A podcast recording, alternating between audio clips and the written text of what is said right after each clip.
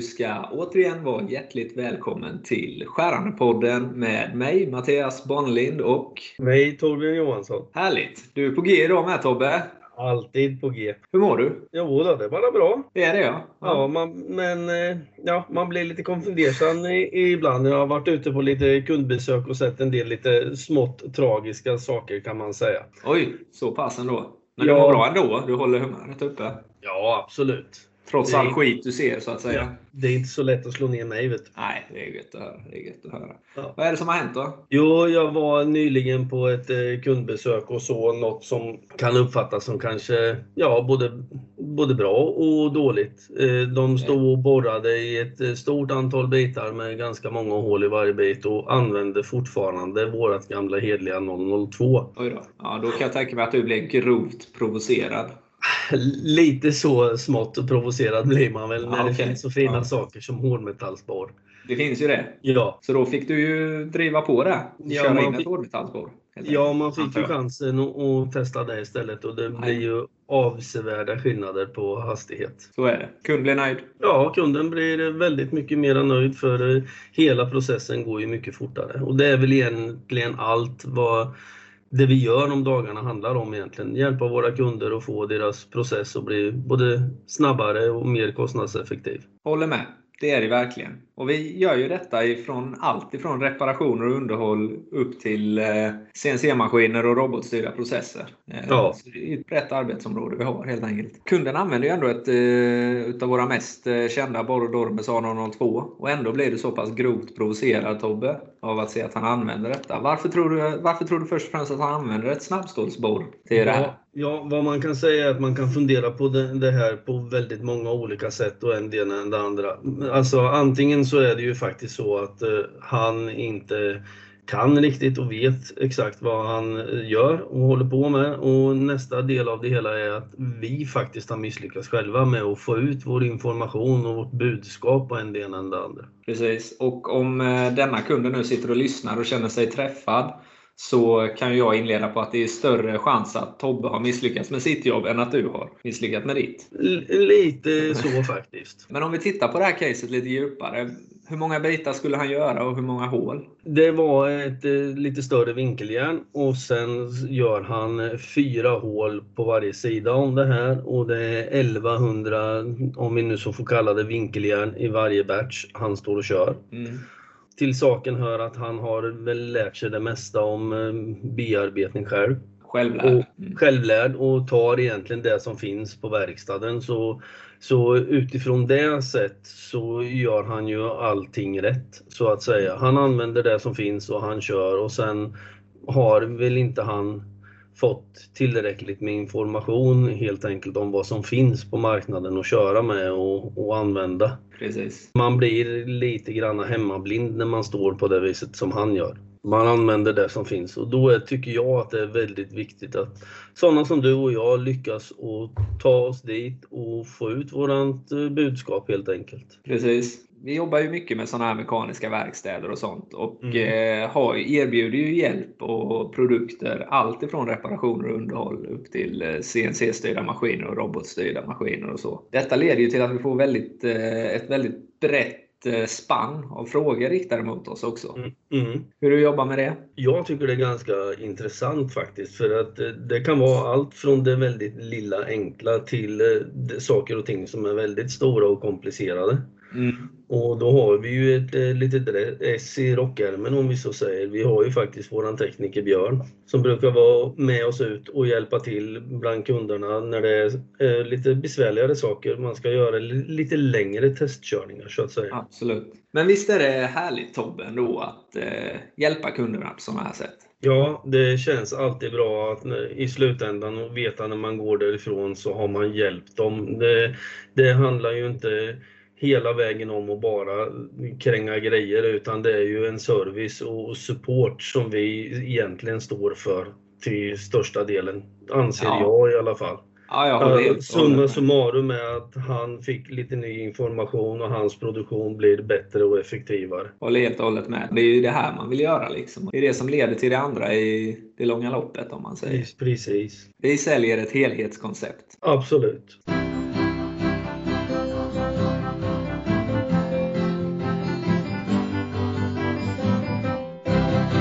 Att hoppa vidare i dagens program eh, så tänkte jag att vi skulle snacka lite om roterande filar. Vi har ju snackat ganska mycket high-tech, eh, processförbättringar och Eh, skärdata och sådana grejer. Men om vi går vidare till ett, eh, faktiskt ett hårdmetallverktyg här då som håller för, eh, eller som inriktar sig mot då reparationer och underhållssegmentet. Så har vi de här roterande filarna. Vad tycker du om dem Tobbe? Ja, jag måste säga att jag tycker de är ganska bra faktiskt. Det, det finns väldigt många användningsområden på dem. Och Amen. återigen, alltså väldigt enkel användning till, alltså jämte den stora fina avancerade maskinen så kan du ha nytta av de här. Precis. Och det är ju då eh, pålödda hårdmetallhuvuden på ett snabbstålskaft. Och när det är hårdmetall, så någonting som vi har pratat om väldigt mycket är att de ska ju snurra ganska mycket snabbare än ett snabbstålsverktyg. Om man säger. Mm, mm. Och det går ju i en luftdriven maskin, så man behöver en kompressor för att köra de här rackarna. Ja. De ska ju gå i nästan eh, ja, 10 000 varv i minuten, gärna 20 000 varv i minuten. Eh, jag har själv använt de här ett par gånger. Exempelvis när jag skulle få min gamla bil och gå igenom besiktningen. Var lite rost rostskador och lite annat på undersidan. Och de funkar ju otroligt bra till att bara slipa bort det här. När man får upp dem i rätt hastigheter så är det ju mm. som att skära i smör. Alltså. Mm. Det är härligt är det. Ja, det, om man säger, jag har ju använt hårdmetallsfilar också, men det är ju främst eh, som ett gradverktyg. Ja. Om, om man har fräst eller svarvat en eh, detalj och sen kanske du rationaliserar i programmet så du inte gör gradningen i maskinen utan du gör den vid sidan av eller på baksidan av en detalj där du inte kommer åt att grada.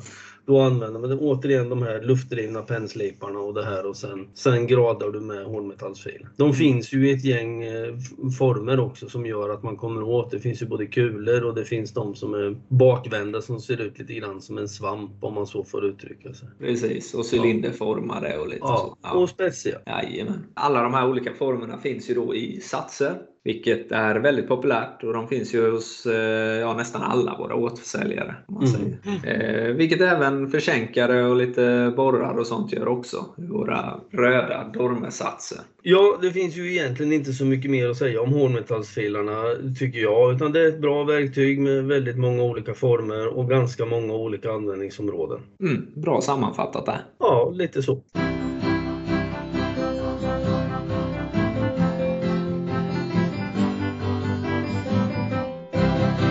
Yes, och eh, nu ska vi byta ämne lite från eh, roterande filar och reparationer och underhåll.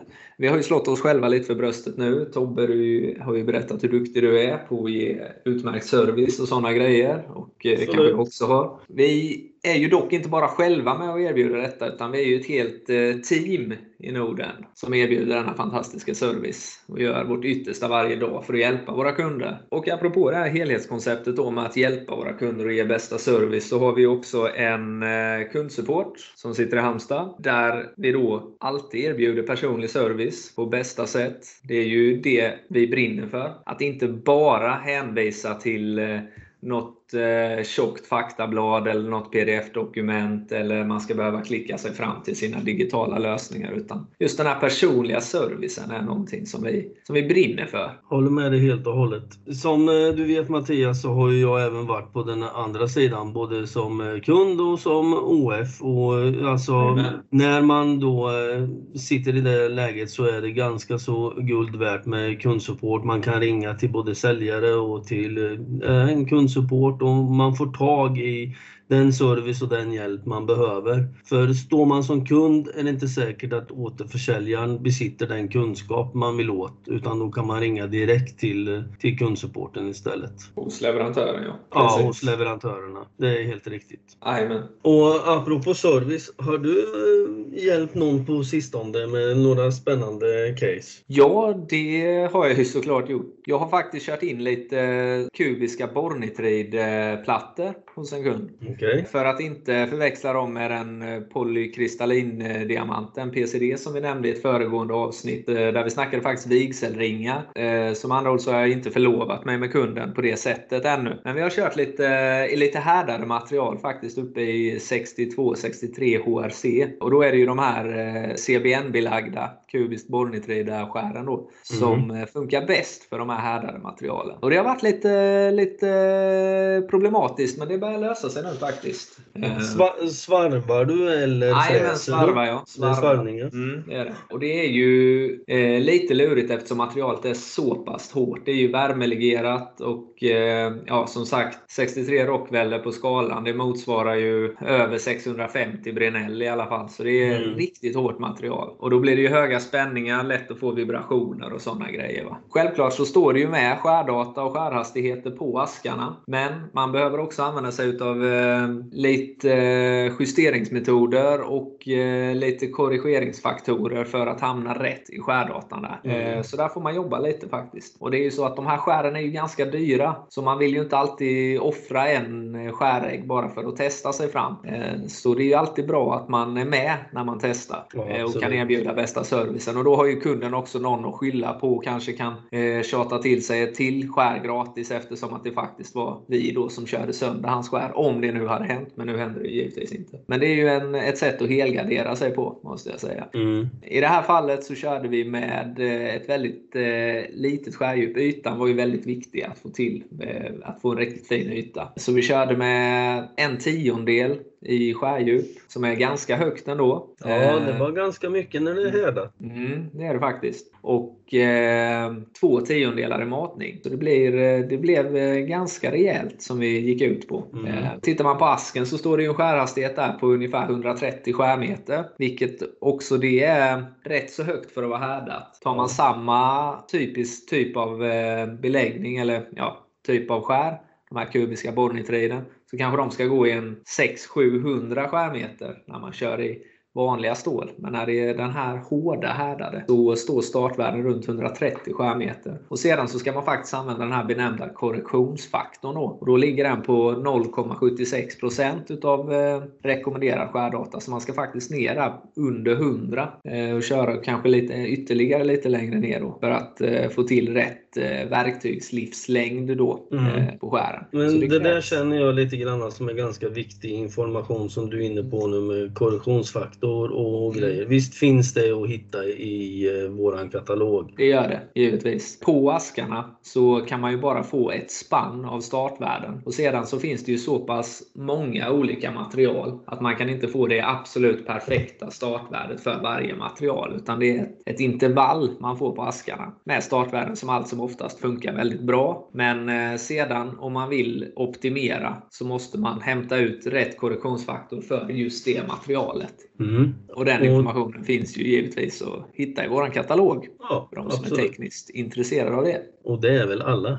ja, Absolut. Detta ledde i alla fall i sin tur sedan till att eh, ytan och processen blev väldigt bra för kunden också. Men man fick köra lite där och kämpa så höll på nog en timme där innan vi fick till det optimalt. Och eh, sedan så kör han på. Han får sina bitar och han får sin verktygslivslängd som han var ute efter. Det är riktigt bra. Bättre process till ett billigare pris. Så det är definitivt väldigt nöjd med det jobbet och den kunden blir ju kanonnöjd med. Det är alltid positivt med nöjda kunder. det är det verkligen.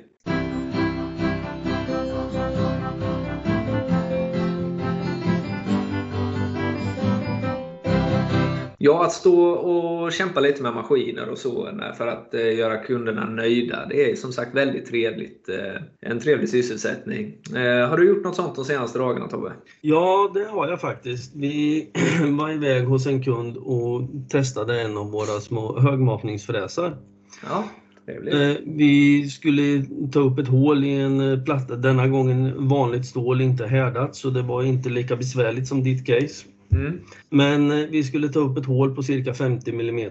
Mm. För de som vet eh, det här med högmatning så kör man ju med små skärdjup och, och ganska så höga matningar. Jajamän, så, som eh, namnet vi, bekräftar. Precis. Vi plockade fram, eller räknade fram en bordsmatning på 9900 och vi körde en 25 mm högmatningsfräs med BNGX-skär. Okay. Och, men ibland råkar man ut för en, ett sånt dilemma som att maskinen hinner liksom inte med att räkna. Så 9900 i matning var alldeles för mycket för den här maskinen. Mm. Den så att säga lite äldre maskiner har en tendens att gena om man så får säga. Den tar den, den, tar den kortaste vägen till slutpunkten. Mm. Så hålet blev inte riktigt runt utan det skilde några tiondelar på diametern från, ja, på rundnoggrannheten. Så vi fick helt enkelt sänka matningen ganska så rejält. Vi var nere på ja, 6000 i, i bordsmatning istället. Okay. Men den stora skillnaden på det hela var att när vi var färdiga med allting så hade vi gått från cirka fyra minuter i bearbetningstid till eh, typ 32-33 sekunder för att göra det här hålet. Så ja, den kunden var, kan jag säga, mer än nöjd med den proceduren. Mm. Ja, det är ju skitbra. Det är vilket ju maskinen också, som sätter begränsningarna. Ja, vilket också innebär att istället för att köra med ett eh, korthållsborr och en finfräsning så kan han ju göra dels ett 50 mm hål med den här pinfräsen och han kan även göra andra hål med samma verktyg. Aja. Det är bara att ändra programmet så att säga så kan han använda fräsen till att göra ett 60 hål, ett 65 hål eller ett 70 eh, om man så vill.